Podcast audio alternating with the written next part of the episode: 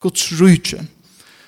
Nega som god hever lagt nyer i okkar hjärsta, som ikke anna og i sin heime kan djeva anna enn bare et tilfredsstillelse av omkring men Guds rujtje djeva nega så otrolig nek meir som gjør til at man ser alt det som vi annars får oss vid daglig, vi fullkomna nudjon eion og man ser en evig mynd ui de konkrete tingene som vi gjør. Da vi der i, i Israel, så, så vet at de som er vi og som ferien, Ja, det meste som vi tykker etter, eller en stor part av det som tidsi etter, er ruiner av bygningen. det er bygninger som lengst kjenner i skrampler saman og, og vet ikke at steinen som, som er dottene fra kvernøren. Og det, det minner meg å at eh, vi bytja bygningar og så videre som er og vi til at møta noen endamalen og en tøy. Men Guds rydje lever nek langer enn betong og stål og timper og, og alt det. Helter. Og tøy er vidt som en pastor av rydde gods. Vi nu av av banan og i eina tøy.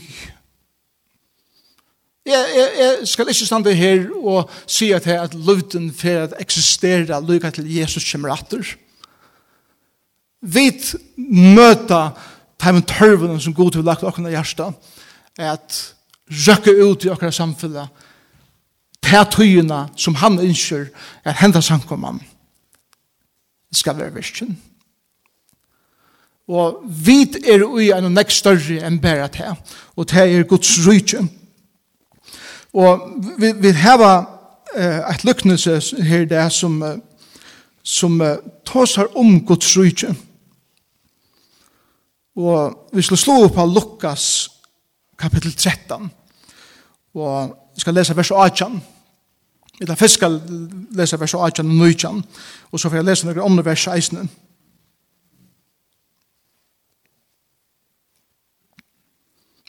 Ta sier han, dette er Lukas 13, eh, vers 18, altså det er Jesus som tar seg, ta sier Jesus, hverjon er rydde Guds lukt, og hva skal er lukna til vi, Spørsmålstegn. Og her svære. Det er, altså, Guds rydtje er lukt sinnapskottene. Som mævor får, eller tog, og så er i Ørstagarsøen. Det vaks, og vær tre. Og fuklar himmelsens bygd og reier, og i greinen dess. Sinnapskottene. Sinnapskottene Og Jesus var en mester å bruke myndamål. Han er sånn at bruker Jesus sinnapskoordinator, og det er en øren sam samband. Og her bruker han sinnapskottene i samband med trygg, og han og tar genga einas han er sånne for Jerusalem, og Bethlehem, Bethlehem leiene, og Jesus sier vidt her, hvis det var trygg som sinnapskottene, så kunne tid sia vi etter fjall flyte og det flyter seg ur en sted og i et annet. Og så, så kunne vi si, wow, det er øye stor trygg. Men ta og Jesus sier at fjall som kan flyta seg, så visste han, eller så visste lærer seg han øye beina vei hva det mente vi. Og vi var vi ikke å ta fjallet, eh, de som var vi i Ursøsturen, eh, av Jolun, og til fjall som heter Herotium, Og det er et, et fjall som Herodos, eh, den store bygde beint, sånne for Betlehem. Og Jesus er døven. Jeg synes du har når han var føtter. Det var tveir naturlige bakkar som stung på seg ur landslænen, og Herodes den store sier, jeg vil heva et størst fjall som jeg kan bygge en stor borg av, som heter Herodium, som jeg kan slippe suttje iver alt landslæge. Så det som han gjør er til at han teker materialet fra einon bakka eller en fjallet, og, og brøyde til fjallet nyer, vi tror fri ei, at veksa hit fjallet opp. Og i det stender Herodion som er størst fjall, som, som hikker ut i vår Bethlehems fløter. Men, men det var vi tror fri eia, at det var en maver som ville hava makt, han ville bygja sutt rydtje, så at han kunde styra og hava makt iver ötlun som annars skulle være under honom. Samtidig som nirre av Bethlehems fløten, noen nirre i delen. Vi er lydig baden født, som ånden legger mest til. Og hver jeg for Jesus tåser om Guds rydtje, så er det alltid i en kontrast vi det som var inne i høtten og gjøten og det var at her så et rydtje som hei vi makt å gjøre at romverjar og alle disse fortjentene skulle være ruttet i vennen, for at her kunne få et rydtje. Og Jesus snakkar alltid om et helt annars le her rydtje. Og Herodos, den store, Han hei rujtjudum i ui ive flow, men hei ungan i nok. Og Jesus, han var nøkter vi et lydig fjås, men han åtti alt. Elskje det. Herodos hei makt som var utrolig skjert, men Jesus hei myndelega som var fullkomlig og skjertur. Herodos ville hava titelen konger, Sjalt man ikke vær konger, han, han, han kom fra en halver, halver jødisk ariat, som var blanda blå, og han var en sånn duk, dukke konger til keiseren i Rom. Men han, han har gått år og seg til at han bygde meg. Men her, Jesus var føtter konger, og han ber titlen konger, kongene. Herodes var kjentur fyrir en bróta menneska løyv nýjur og at gjerra enda og öllum som stås her imotor Jesus, han var kjentur fyrir at gjerra løyv og at byggja upp til det som Guds rujtje er. Herodes kom vi ötta, Jesus kom vi fri Herodes kom vi ønskape Jesus kom vi frelse og det ene som vi minnast Herodes fyrir det tid til det han tog vel a Og vi minnes her også som står her fyrir at hatt var maveren som let öll dronjabøtene i Bethlehem under tvei år gam, gamla dronjer være drippner Til han bensje fyrir missa sinna makt. Vi er dit ta til Herodes støye Han visste at han var sånn hætaver av falskenen. At han drep en stor parst av ödlen ivermannen tjasar, etla tænaren og hysene her, eh, råharen og tjaser. Han drept her samtidig som han døye, bare fyrir at ankre jøder skulle syrja samtidig som han følte grever. Det er det som jeg minnes i rådets 4. Men Jesus, da han tåsar om sutt ruhitje, så tåsar han om nega nekst større enn det. Og grunnen til fyrir at Jesus brukar sinnapskottene som er som mynden er tog at sinneskottene, vi hører anker taler sier at det er det minste frei som er til ikke, men det er det minste frei som bønder kjente til av Jesus er døven.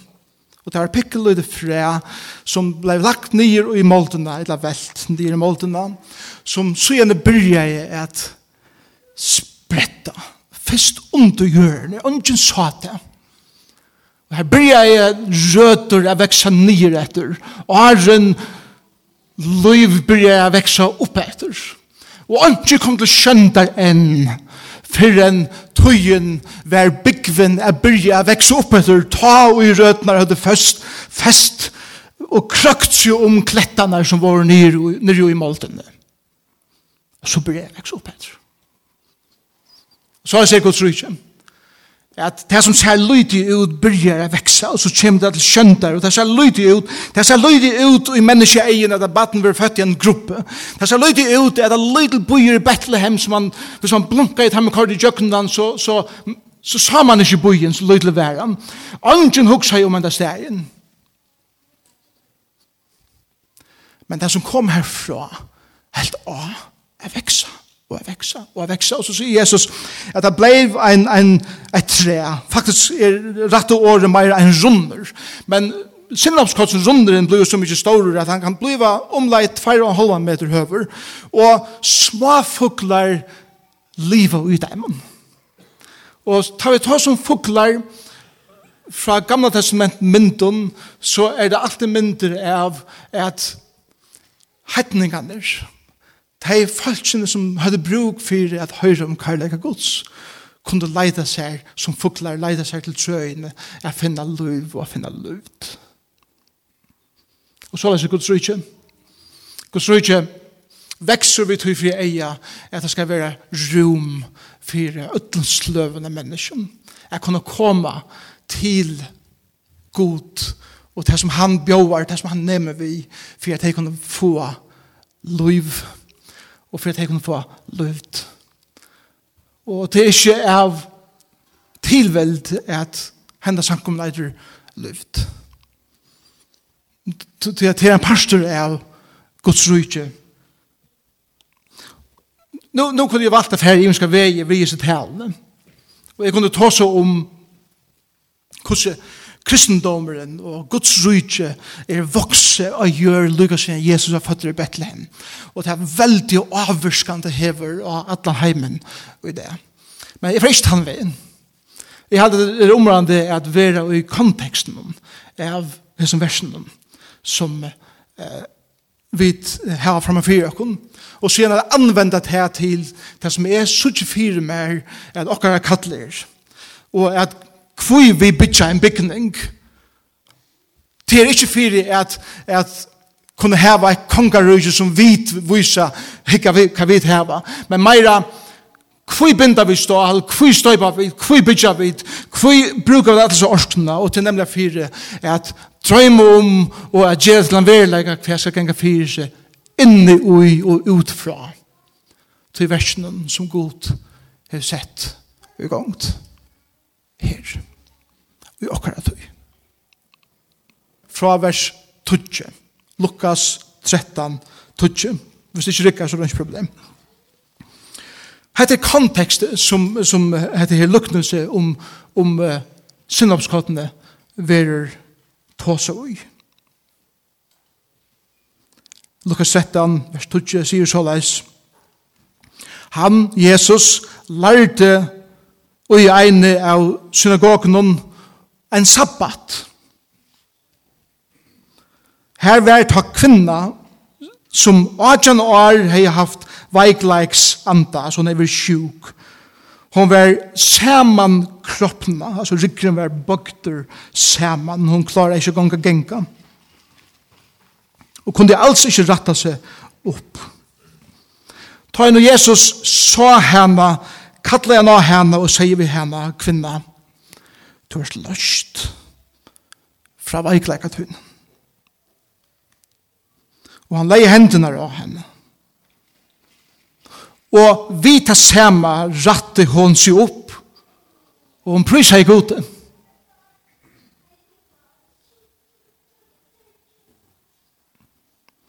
Men synagogestjøren, etla pastoren, presteren, leieren i synagogene, som var ytler om at Jesus grødde sabbat, tog lår og sier følelse, 60 er det som arbeider her vera.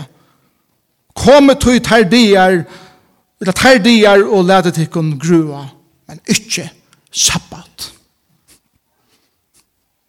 Så gjør det religiøsiteten i tonalanden, Så sverar jeg Herren honom, hiklar tikkara. Løyser ein og kvør tikkara, ikkje oksa søyn, eller asen søyt, fra kroppen i sabbat, og fer vi teimen til vattnet, og hatt en retorisk spørning, og sverar jeg sjående, ja. Men, vers 16, hendan, altså kvinnan, og gjør døtter Abrahams, altså og gjør et menneske, som Satan hever bonde heile 18 år, skulle hon ikke være løst ur hessen bande sabbat. Kan det skjere samme hva for det til er at hendan kvinnan mestjer Guds hånd i vår og inn i sitt liv. Og da han sier hette vår tar til skammar, atler som stod i hånden måte. Og legg mest til så kontrasten, og alt folk gleddest iver til store og underfulle versk og i han gjør det. Og så kommer lukknelse. Han sier, nå, hva er det tid er rydde gods er lukt. Og han sier at det er ikke lukt ødlen tøy som er sin heimere røyner og okkar egna rydde røyner at vise ut og så gjør godt ut, men det er nega som byrjar utrolig innalige og i løyvenen tja enn menneska. Og tøy vil si hese tingene,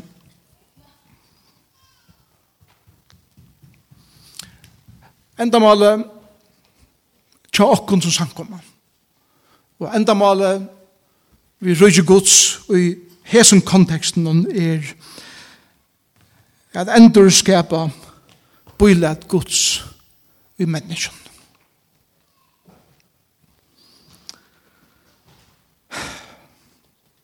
Henda kvinna var rakt av hesson, at de religiøse hadde ikke hjerte for henne som en kvinna. De var mer interessert i systemet om hvordan alt fungerer. Ja. Og henne kvinna kommer inn her, kroppen og sjuk, og hese maveren, eller synagogstjåren, og vi teimen irriteres inn av at Jesus skal forstyrre til gudstjenest. Og Jesus kommer og endreiser en mynd som Gud har lagt ned i hverst menneskene. til nummer ett. Et annet er hettar. At Guds rydtje er vi tøyfri eia kommer til okkara at hjelpa mennesken som er saman kroppen i livet at kunne ratta seg opp Og kanskje er det ikke nek av her i det som er i samankroppen rent fysisk og sjuk på den måten, men den sjukan er eisende. Men kanskje er vi samankroppen på alle ærer matar i livet. Og jeg husker om skam, jeg husker om øtta, jeg husker om engest, jeg husker om pyne, jeg husker om øye, jeg husker om sorg som kommer inn i livet som menneskjen. Og enda målet vi er en samkomme og rydde gods er til at mennesker kunne være løst og kunne være grødt, være til fysisk, være til salalit, eller være til andalit, at mennesker kunne reise seg opp ved tog fri eia, at kunne prysa god til fyrir hver han er. Og så gjør det religiøsiteter for alltid å finne religiøse omkyldninger for å slippe fra at hjelpe menneskene som det velja koster. Men rydde Guds særtørven Jesus sa hessa kvinna som möjliga var born inn i synagogorna, möjliga djekkon eller kom krubande inn og rønde og gaima seg, og ønsken ville helst sutja henne, men Jesus ser henne, og han talar vi henne, og han sier, vir grødd, og så nemmer han vi henne. Jeg spekulerer ofte på ham, hvordan vi det? Er, og hvordan får jeg vite være som samkommer. Ta jeg vidt om noen år for å hava en fynan glæselig bygning nere ved endan av Løkmanna Breit. For det var så leis at folk får komme inn og det er bengi for jeg forstyrrer systemet tjaken. Er det bengi for at møblene er så fyner og gulvet er så fynt og at alt er, er så dorst at vi ikke kunne røre oss inn i her beint. For det er så leis at, at vi hittar meir etter hvordan møblene eh, heva det enn de saman kroppen mennesker som kommer inn her beint og hvordan de må heva det. Og god nøye okken. Hvis vi bygger en bygning som bare for å være så finner og så gåver at vi ikke kunne gjøre inn i her. Men hadde kunnet bygge en bygning som, som helter til at mennesker komma og blæka møblan sjøkur rundt og bruka møblan som det skulle brukast og bruka bygningin til det som bygningin skal brukast til så leis at menneskja du kunne være brøtt. Jeg husker hvordan Jesus var motvist heim og så var det annerleis. Han bjør dem alltid velkomnum, alltid. Og måtte vi være en sankumma som tåra at bjør folk som er fullkomlig annerleis enn vi er føler seg velkomnan tjokken. Og ikke bare i samkomne, men eisen i okkar heimen, og i okkar løyven. Jeg vet, det er åpen gjørst og fire, lukka mye for mennesker det er, som er annerledes enn vit. Hvordan var Jesus i måte heimen som særte ham? Han var ikke dem nøye. Og forhold vi mennesker for alltid være såleis at vi særa kvann annan. Og i stedet fire er at bliva bæsk innan hver annan og hør vi hver annan så er jeg vidt av vise for en år nøye, og i min bøn er at jeg som ganger fire seg utfor samkomne skal være nøye. Jeg vil tåre av vise for en år nøye. Hvordan var Jesus i måte vise dem som spott av han? Han var i eimjukare tøkken. Han Han har ikke bruk for å prekva seg selv. Han har ikke bruk for å genga rundt ved skjelton og demonstrera i måter i menneske ting. Han er fullkomlig fri. i hver hese at Gud er soverener. i hver ødlen som hender. Henda må hva henda vil. Men Gud er soverener i ødlen. Og hvordan var Jesus måtvist hjemme som ikke orska av meg? Henda kvinnan, hon mest hender Jesus her og ser man lytte henne opp. Måtte vi tvær så les. Men hvordan jeg var Jesus modvist heimann som ville hindra Guds rydtje å veksa. Han dikta i deg. Han røpte du er en hiklare. Du kallar det andalian. Du do vel å bruke andali år med ditt hjerte er uisakalt. Hvis du er meira interessert av systemen enn du er interessert av i menneskene og tid. Nå får jeg vidt under jeg bytja. Og en spørning går, og jeg halde eisne min oppgave, og i samkommende i kjøkkenens neste årene.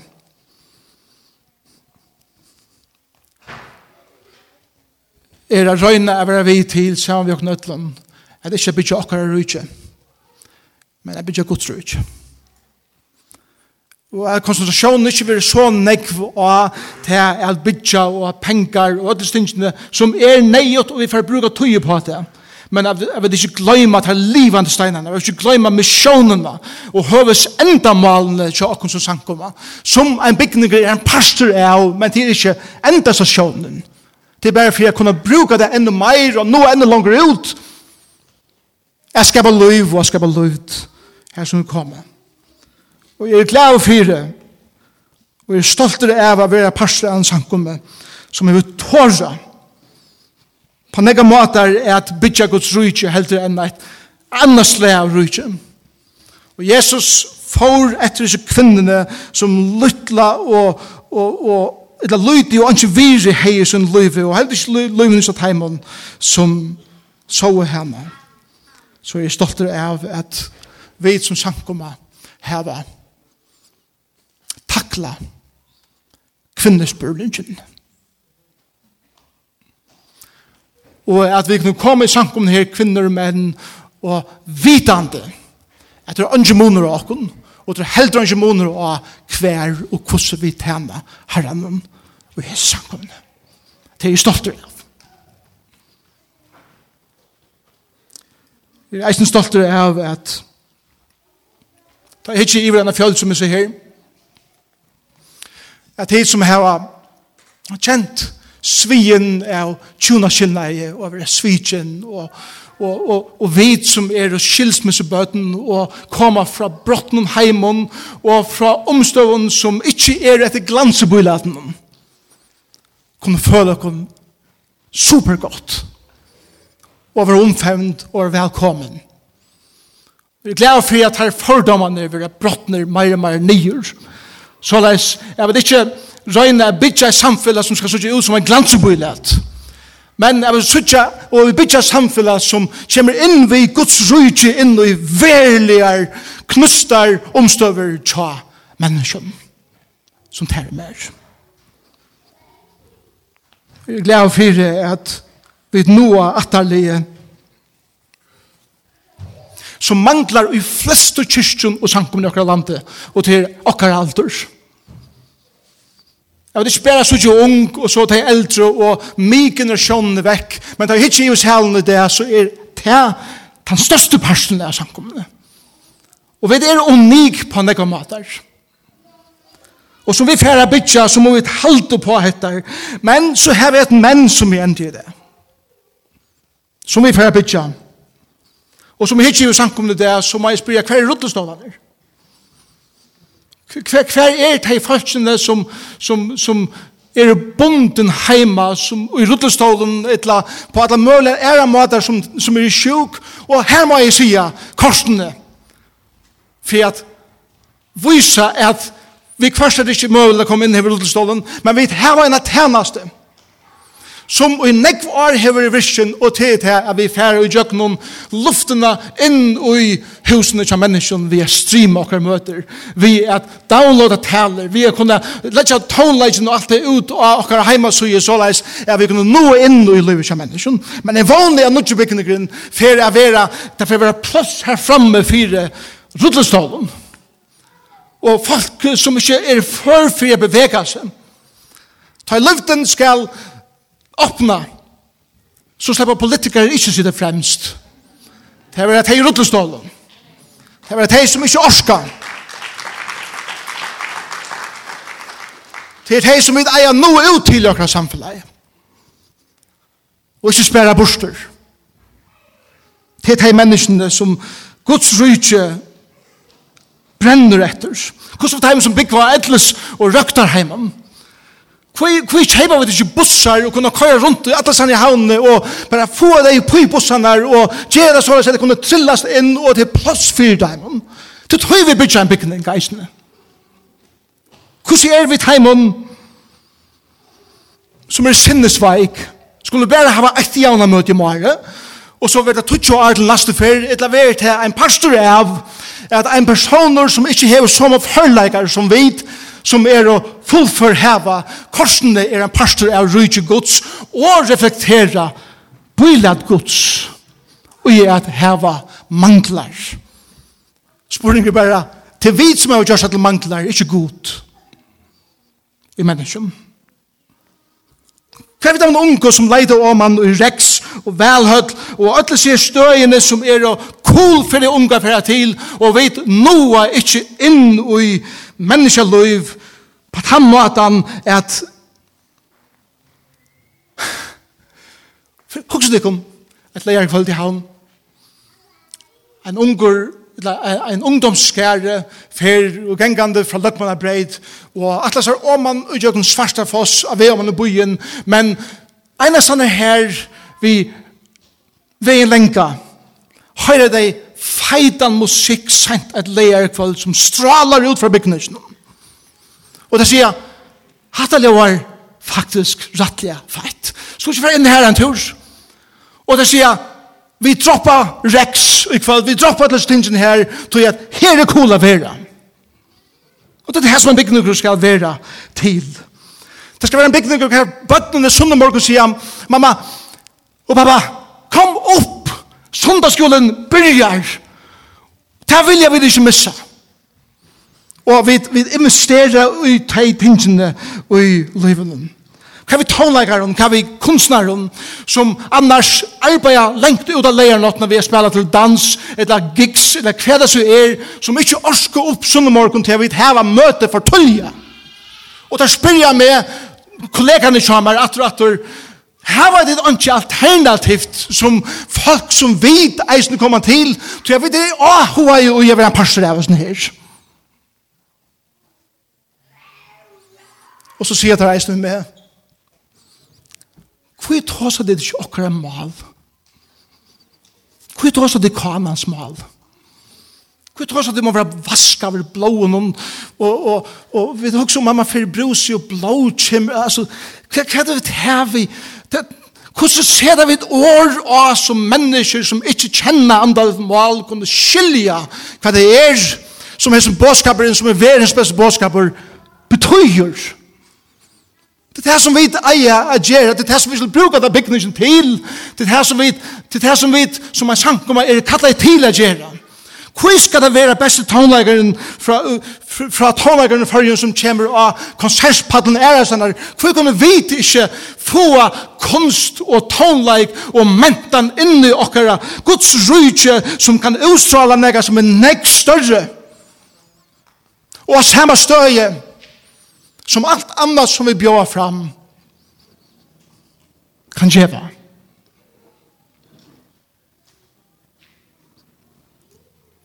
Hva var det som har kritiske spurningar. Og vi drias hei som pesten. Ho, kritiske spurningar. Spurningar om Bibelen, spurningar om at møvlig, og vi får folk åttande at røyne kommer hjelp og svære på spurningar der. Tog vi det så bensjen.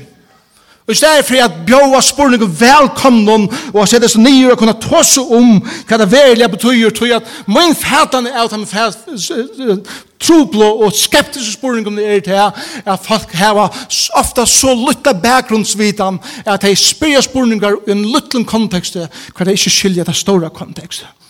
Og det er tøy at kultivera en samkommer som tåra loive hæsne her inn og bjøy tøy og taimon velkommen. Velkommen. Og hva er det som heva en annan livsstil enn vid, eller er det orientering enn vid heva, skulle de føle seg utifrist, skulle de være folk som de sier, jeg kan leida meg nekve er sånn, men sank kommer det rest her som vi aldri har fått meg inn, og leida inn. Og så prater jeg vidt deg, og de sier, det er fantastisk at hørst, hva det er velja som Jesus, har vi kattet tikkene til. Wow. Guds rydde er så utrolig og beheilet. Til det er som syndmålskottene som, som er det er treje som truster seg opptjøkken måltene og målten fer at flyta seg. Eller græs vekser opptjøkken betongtid. Og så er det så Guds rykje. Her ikke stende fire. Og okkar skepsis og okkar religiositeter fer ikke a standa fire tøy som god er sett seg fire a gjera ui okkara heime. Spurningen bare er vi vi eller er vi motor? Er vi religiøs eller er vi gudsfolk som tåra er færre gongt vi et tema? Guds rujtje er ikkje et utsynsvinda vi en sankum hver vi sutja så utrolig perfekt ut. Guds rujtje er en skiastova hver sankum han er etter steg hver folk vil være boren og sleipa inn vi tror vi eia. Er kunne være litt oppater såleis at hei kunne gjerast fullfør vi tror vi eia at reisa sine hendur i måte gode. Er prysa honom sutja vit føla vit føla vit høyra vit tørven og i okkara lande. Jesus gjør det. Og vi er kattla jeg a fylgja honom etter. Vi er låtan alt hit skramble som er rundt om. Så skal Guds rydse veksa. Amen.